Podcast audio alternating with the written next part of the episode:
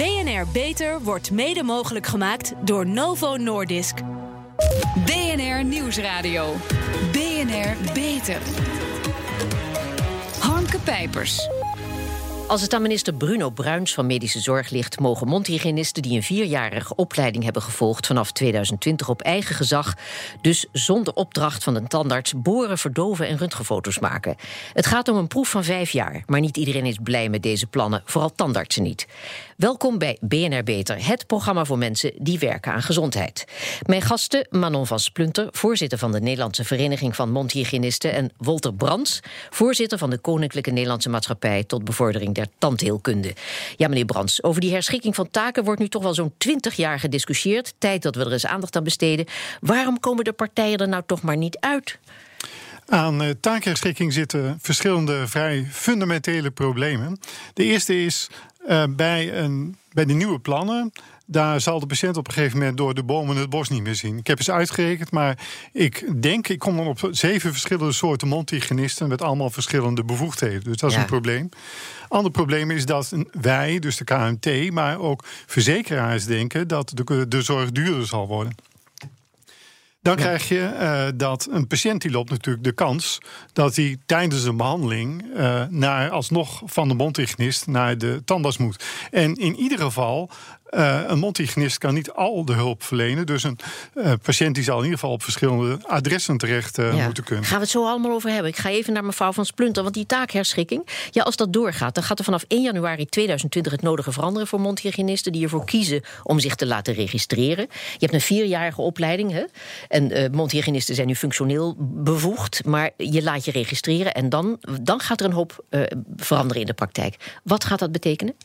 Nou, wat gaat betekenen is dat uh, de behandeling van uh, het eerste gaatje, uh, de verdoving en een foto door de mondhygiënist zelfstandig gemaakt kan worden. Ja, meneer Brands, u noemde het plan van Bruins eerder brand. U noemde het plan van Bruins eerder buitengewoon onverstandig en schadelijk voor de zorgende patiënt. U begon dan met een hele opsomming, maar waarom nog meer? nou, ik zal er in ieder geval nog even één, één noemen. Um, de overheid die heeft als doel om taakherschikking te bevorderen. Uh, taakherschikking bestaat uit uh, verschillende delen. Of een multigenist doet iets in aanwezigheid van de tandarts. Of een multigenist doet iets buiten aanwezigheid van de tandarts. Of een multigenist doet iets op eigen houtje. Nou wordt dat laatste uh, wordt, uh, bevorderd. En er wordt gezegd, ja, er wordt al heel weinig aan taakherschikking gedaan. Mm. In werkelijkheid, we hebben een enquête onder onze leden gehouden. En 85% doet al aan taakherschikking. Dan denk ik van, ja, kan het veel beter. Mm. Ja, tot 20 september konden Eerste en Tweede Kamerleden nog vragen stellen over het plan van de minister. Maar beantwoording heeft minister Bruins uitgesteld tot november in plaats van deze maand. Eh, meneer Brands, u hoopt duidelijk op afschaffing van de plannen. Maar als dat niet gebeurt, welke wijzigingen van de plannen zou het eh, wat u betreft nog acceptabel maken? Nou, wij laten ons leiden door uh, wat heeft de patiënt eraan? Mm -hmm. En wat heeft de patiënt eraan? Ik denk dat het heel belangrijk is dat een, een patiënt duidelijk weet waar hij aan toe is. Dus hij gaat naar de multigenist voor preventie en voor tandvlees. Hij gaat naar de uh, tandarts voor onder andere boren. Dus wij erkennen de waarde van de multigenist ten volle. Ja. Uh, alleen wij zeggen, iemand die opgeleid is voor preventie, die moet je niet curatie laten doen. Ja, dat boren, dat zit de tandarts al jaren dwars. Maar mevrouw van Splunter, dat is iets wat mondhygiënisten al jaren doen en waarvoor ze opgeleid zijn. Hè? Klopt. En dan niet natuurlijk het uh, hele palet wat de tandarts uh, mm -hmm. behandelt. Maar wat maar wel precies? Het gaat met name om het e-, allereerste gaatje wat ontstaat. Eigenlijk uh, worden mondhygiënisten opgeleid om vooral problemen te voorkomen. Ja. En op het moment dat jij in een behandeltraject zit... waarin je juist focus hebt op het niet boren... maar daar waar de preventie faalt... toch een uitstapje kan maken om de schade te repareren... om vervolgens dan de behandeling weer terug te trekken in de preventie is dat uh, nou, helemaal niet uh, raar dat de mondhygiënist dat doet. Ja, dus de mondhygiënisten zijn heel uh, prudent met boren. Alleen als het gaatje stabiel lijkt te zijn, hè, dan, dan, dan komt boren niet in aanmerking, anders wel. Dus het komt in de praktijk eigenlijk vrij weinig voor, althans dat is het streven. Toch? Nou ja, het streven zou voor iedere zorgverlener uh, moeten zijn dat het weinig ja. voorkomt. Ongeacht of je nou preventief uh, opgeleid bent of in basis curatief bent opgeleid. Dus daar waar het kan, is het mooi dat mondhygiënisten het kunnen. Ja, maar betekent dat uh, het feit dat dat misschien uh, uh, niet het eerste streven is, maar dat je dat vrij weinig doet, betekent dat niet, dreigt er dan niet een gebrek aan routine? Nee, op het moment dat je ervoor opgeleid wordt, je hebt ook nog een wet BIG en dat is bekwaam en bevoegd. Mm -hmm. Waarin je bevoegdheden en je bekwaamheden heeft toch te maken, ben je ervoor opgeleid en doe je het vaak genoeg. Ja, meneer Brands? Nou, dat vind ik, ik op zich bedenkelijk wel... kijken. Vind ik op zich wel een goede. Uh, doe je het vaak genoeg? Dat, dat is natuurlijk wat u eigenlijk net vroeg: van doe je het, doe je het vaak genoeg? Maar ik heb een ander voorbeeld. Ik snap niet zo heel erg goed waarom die koppeling, als je heel erg goed bent in preventie, dat je dan ook moet gaan boren. Ik heb er zo van na zitten denken: van kan je nou een ander iets verzinnen? Een, een diëtist is ontzettend goed in het voorkomen van hartproblemen, maar moet je die ook uh, katheterisaties laten doen. Dat ja, u bent eruit. Dat is een beetje vreemd. Ja, dat is een moeilijk woord. Ja, ik vraag me af of de vergelijking opgaat. Maar die taakherschikking, is, is dat iets wat alle mondhygiënisten allemaal uh, graag willen? Uh, want uh, ik heb de indruk dat uh, toch bij veel mondhygiënisten aan animo ontbreekt. Dat ze zeggen van ja, we doen dat tot nu toe niet. We hebben het wel geleerd, maar laat maar. Nou, je hebt natuurlijk binnen de mondhygiënisten allerlei verschillende werkvelden. Mm -hmm. En de mondhygiënist is in basis niet alleen opgeleid om te boren. Wij zijn ook gespecialiseerd in tandvleesbehandelingen. En de doelgroep die je behandelt zal ook van belang zijn of je wil boren of niet. Dus wat je ziet is dat er ook een hele categorie mondhygiënisten is die zich vooral focussen op het tandvleesprobleem. Ja. En die willen dat boren ook inderdaad helemaal niet. En daarvoor is dan ook uh, het boren, een van de drie voorbehouden handelingen in het experiment, ja. dan niet interessant. Maar het, het, betreft meer dan alleen het boren. Nee, maar dat snap ik. Er zit dus een hoop aan het boren vast, verdoven en röntgenfoto's maken. Dat maar ook voor tandvleesprobleem is dat een heel belangrijke zaak. Okay. Dus voor die mondhygiënisten... Nee, maar nog even op die mondhygiënisten die daar geen zin in hebben. Want uh, die heb ik dan ook gesproken. En dan denk ik, ja, uh, denk je dat het een keus wordt? Heb je geen zin, dan boor je niet. Terwijl ik denk dat de minister er toch op mikt dat dit misschien een bezuiniging op gaat leveren, of weet ik veel wat. En uh, dat dat gewoon dan een, een, verplichte bezigheid wordt. Nou, dat lijkt me heel erg vreemd om dat verplicht te stellen. En ik denk dat het ook niet iets is wat je moet zou, moet zou willen als uh, minister. Um, dus nee, dat uh, is niet vanzelfsprekend. Maar je hebt toch ook binnen de tandheelkunde allerlei specialismen. Het is toch ook niet zo dat als jij gespecialiseerd bent differentiaties. in... En, ja. ja, differentiaties. Op het moment dat jij gespecialiseerd bent in het uh, knauwbehandelingen doen... dat je dus uh, dat elke tandarts dan maar die knauwbehandelingen ja. standaard moet gaan doen. Maar toch de standaardvraag, daar komt die... wat was een mondhygiënist dat kleine gaatje boort... en daar toch bijvoorbeeld per ongeluk een zenuw raakt... dan is het toch heel handig als er een tandarts in de buurt is?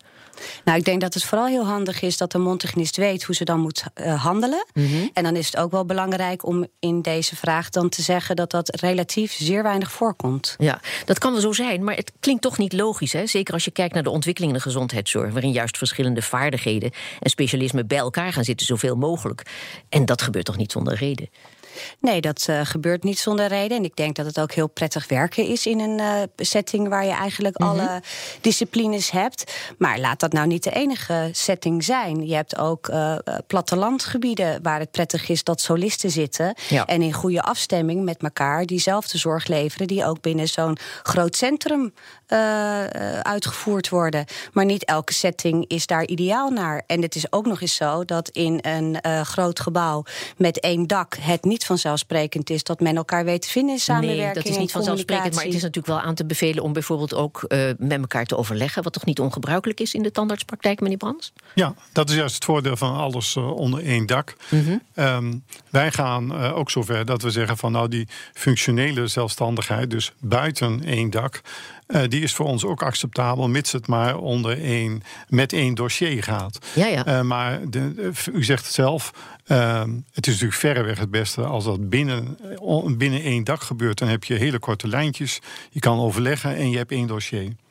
Ja, daar kan ik me iets bij voorstellen. Goed. De Patiëntenfederatie uh, is ook kritisch, mevrouw Van Splunter. Want ik citeer: begin niet aan een experiment om mondhygiënisten bepaalde handelingen van tandartsen te laten uitvoeren. voor er duidelijke afspraken zijn gemaakt over de kwaliteit van de zorg. en de controle op de naleving van de afspraken. Ja, einde citaat. Dat was de strekking van een brief van de Federatie aan de Kamer in september. Duidelijkere afspraken. Zou dat een goed idee zijn? Nou, duidelijke afspraken zijn altijd goed. En dat is iets wat de federatie al een hele tijd roept. En ik zie juist in het experiment uh, een trigger om dit met elkaar op te gaan pakken. Want uh, nogmaals, ze roepen dit al jaren, los van het experiment. En ik zie echt wel een, uh, een mogelijkheid om het experiment daar goed voor te gebruiken. Ja, volgens de ANT, de, de Associatie Nederlandse Tandartsen, gaan de plannen van Bruin sterk kostenverhogend werken en zal daardoor de mondzorg een stuk duurder worden. Bent u het daarmee eens, meneer Brands? Uh, ik denk dat die uh, ANT daar gelijk aan heeft. Mm -hmm. um, dat vindt de ANT en ook de KNMT niet alleen. Maar dat vinden de verzekeraars ook. Ze zijn gewoon bang dat verschillende dingen dubbel gedaan gaan worden. Uh, neem bijvoorbeeld een röntgenfoto maken. Neem een patiënt die tijdens een behandeling toch alsnog naar de, naar de tandarts moet. Mm -hmm. En u gaf net het voorbeeld van een, run, of een, uh, een behandeling die uitliep op een zenuwbehandeling. Ja. Maar het geldt eigenlijk ook al als een gaatje veel dieper is dan je eigenlijk denkt. En dat komt vrij geregeld voor. Ja. Maar mevrouw van Splunter, die vierjarige opleiding van mondhygiënist... die kost natuurlijk aanmerkelijk minder dan de zesjarige opleiding van de tandartsen.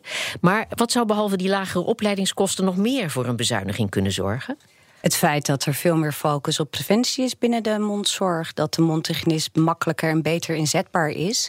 Om juist op dat preventieve vlak uh, beter uit verf te komen. Gaan we straks verder over praten. Ja. Maar nog eventjes, moet de mondhygiënist, als we praten over kostenverhoging... zouden ze ook investeringen moeten doen die dus noodzakelijkerwijs moeten worden terugverdiend?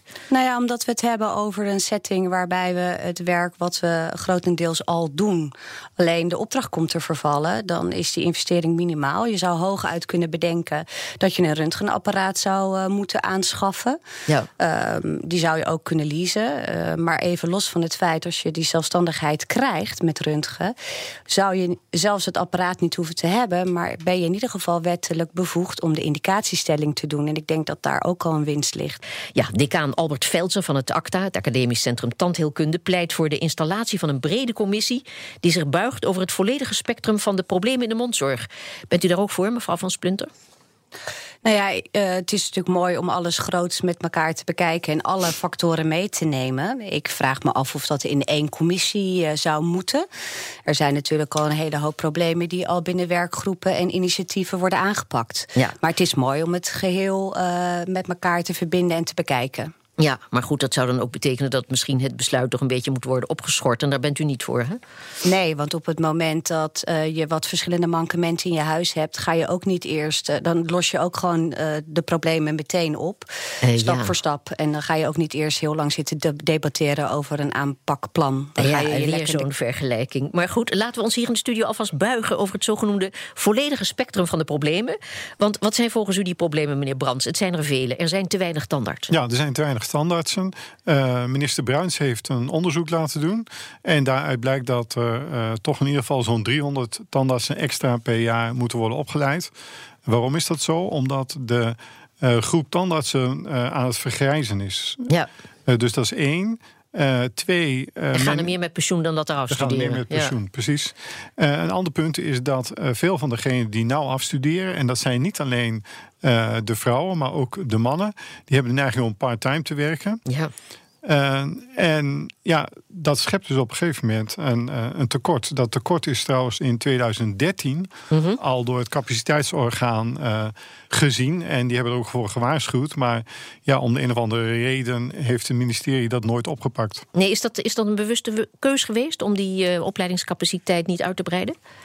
Um, laten we zeggen, de, uh, de waarschuwingen die waren heel erg duidelijk.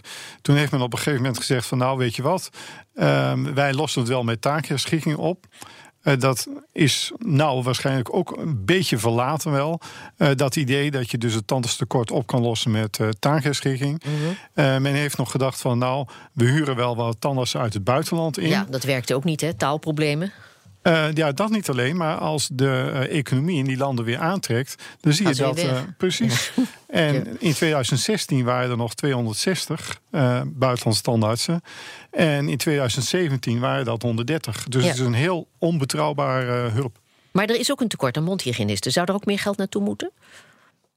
Um, ik citeer weer het, uh, het overheidsrapport. Uh, die zeggen van uh, de beroepsgroep van de mondhygiënisten ziet er wezenlijk anders uit dan de beroepsgroep van de tandartsen. de mondhygiënisten die zijn jong. En uh, daar is dus de uitstroom veel en veel minder. Dus dat rapport dat raadt aan om die capaciteit gelijk te houden. Ja. Mevrouw Splunter? Nou ja, ze zijn niet voor niks uh, het onderzoek opnieuw aan het doen. Want mm -hmm. de minister was het niet eens met het rapport uh, zoals dat uh, tot dusver gepresenteerd is. En ja, wij pleiten voor en meer tandartsen en meer mondhygiënisten. Ja. Um, een groot probleem is ook dat mensen uh, vaak pas naar de tandarts of de mondhygiënist gaan als het eigenlijk te laat is. Hè. Ze gaan heel weinig naar de tandarts. Uh, hoe los je dat probleem op? Moet er veel meer aandacht zijn voor preventie? Ja, dat hebben we al genoemd. Meer voorlichting. Zou de schooltandarts bijvoorbeeld, zou die weer terug moeten komen? Nou, dan zou ik eerder een uh, gezonde bus richting de scholen willen laten gaan. Zoiets, dat je het beter ja. trekt, uh, breder trekt dan alleen maar de schooltandarts.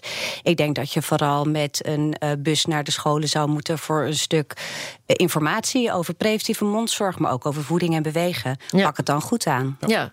Uh, zou u daarvoor zijn, meneer Brands? Ja, daar kan ik. Ziet u uh, zichzelf dat doen in de bus? Uh, nou, niet in de bus, maar de KMT die heeft al zo'n zo'n actie waarbij tandartspraktijken scholen in de buurt gaan opzoeken. En mijn praktijk doet er ook aan mee. Dus, ja. Decaan Veldsel die zei eerder dit jaar in, in de NRC: van een moderne tandarts mag je ook verwachten dat hij zij aandacht heeft voor de mensen die niet in de praktijk komen of kunnen komen. Ja. Um, want die mensen die niet in de praktijk komen uh, en ook geen aandacht besteden aan de uh, tandjes van hun kinderen, dat is toch merkwaardig. Hè? Er is het onderzoeksproject Gezonde Peutermonden, waarbij mondzorgcoaches al bij de consultatiebureaus begeleiding en advies geven over mondverzorging en voeding. En van de vierjarigen bezoekt maar een derde de tandarts. Maar het percentage kinderen dat bij het consultatiebureau komt, ligt op 95 tot 98 procent. En volgens Katarina Jerkovic-Kozic, mooi naam, lector innovaties in de preventieve zorg liggen hier vooral kansen om kinderen uit lagere sociaal-economische groepen te bereiken. Ja, ziet u daar wat in, mevrouw van Splunter? Nou, ik vind dat echt een uh, briljante actie van uh, mijn collega mondhygiënist. Mhm. Mm -hmm. En ik denk dat je daar absoluut een, uh, een groep kunt bereiken die je anders niet bereikt. Ja, meneer Brands? Ik vind uh, de uh, zorg uh, op consultatiebureaus vind ik een heel prima idee. Ja, dus dat zouden we allemaal weer moeten gaan doen. Maar we participeren ook beide ja. in het Mhm. onderzoek. Ja, goed. En ja, dan is er toch nog iets wat u eh, bindt, niet waar? Um, we hebben zelf voor de uitzending ook een beetje rondgebeld. En uit uh, een van de verklaringen die ik hoorde was dat de ouders van nu. Want het blijkt dus dat, dat er niet alleen mensen zijn met, het, uh, met een, wat dan heet een sociaal-economisch lagere status. maar ook om hoger opgeleide. Uh, het gooi, een wassenaar, daar gaan ze niet naar de tandarts, ook niet met kinderen. En dat is dan de generatie van de 30-plussers met kinderen die denken van ja, ik heb een hele goed gebit en dat is heel vanzelfsprekend, dat heeft iedereen en daar hoef je nog helemaal niet zoveel voor te doen. Ja, daar heeft u gelijk aan. De KMT heeft samen met, ik dacht, een van de zorgverzekeraars een onderzoek gedaan. En wij dachten eigenlijk allemaal van nou, dat zijn de krachtwijken uh, die helemaal ja. bovenaan stond. Nou, inderdaad, één krachtwijk stond uh, bovenaan, maar meteen daarna volgde, zoals u het al zegt, Wassenaar en het Gooi. En het zou best kunnen zijn dat uh, men denkt van ja, ach, ik heb nooit last, dus waarom ja. zou ik dan? Ik heb ook druk. Dus dan, dan is men geneigd om hun eigen mondzorg wat uh, uh, te verwaarlozen. En daarmee ook die van de kinderen. Het is maar ja. zelden dat kinderen van, uh, van jonge leeftijd helemaal alleen komen. Terwijl hun ouders uh, zeggen van nou, daar hebben we geen zin in. Meestal komt een gezin. Ja, natuurlijk. Ja. Ook, maar ook voor, voor ouderen in verpleegkunde, verpleeghuizen is de mondgezondheid vaak een probleem. Is vaak in slechte staat. Ongeveer 80% van de mensen die er wonen heeft een ongezonde mond.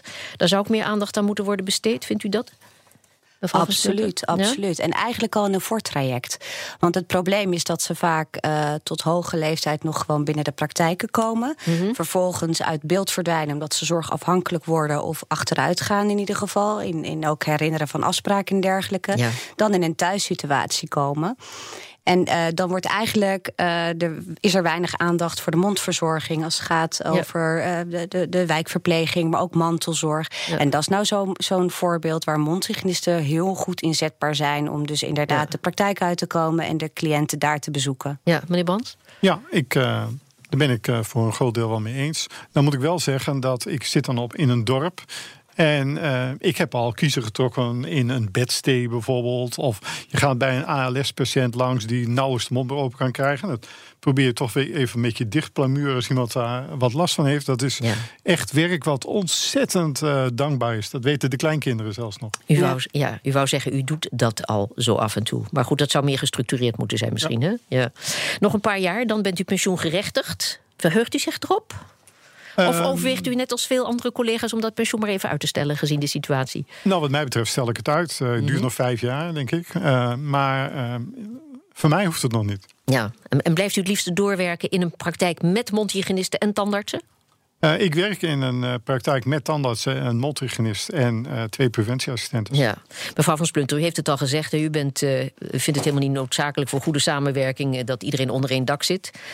Ja, dat er wel versnippering in de gezondheidszorg moet worden teruggedrongen. Ik vind zo'n ouderwets streven, zou ik maar zeggen. Nou, maar ik vind de term versnippering vind ik eigenlijk al heel apart. Nou, daar leidt het toe. Dat is de vrees, niet waar? Nou ja, dat, dat, dat, er worden wel meer aannames in deze discussie mhm. gedaan. Maar het heeft niks met nou, versnippering valt het te erg maken. Mee, dacht ik. Nee, niet in deze discussie hier ter plekke. Daar, daar zorgt u wel voor. Maar gewoon in het algemeen. Ik denk dat we een ontzettende mooie gezondheidszorg in het algemeen hebben. Met allerlei verschillende uh, disciplines en specialismen. Ja, over die verschillende disciplines disciplines. Bent u eruit met de preventieassistenten? Want daar lagen de mondhygiënisten ook mee overhoop. Want die, dat was dan het plan, die zouden alleen maar uh, aan het werk mogen op uh, aanwijzing van de mondhygiënisten. Nou, niet alleen op aanwijzing van de mondhygiënist. Wat belangrijk is, en daar zit het verschil tussen delegeren en taakherschikking. Mm Bij herschikking kan je gewoon dat zelf uh, uitvoeren omdat je daarvoor opgeleid bent. Delegeren is dat je het toegeschoven krijgt. Ja. En wat, waar wij ons zorgen over maken, is met name dat de verschillende witte jas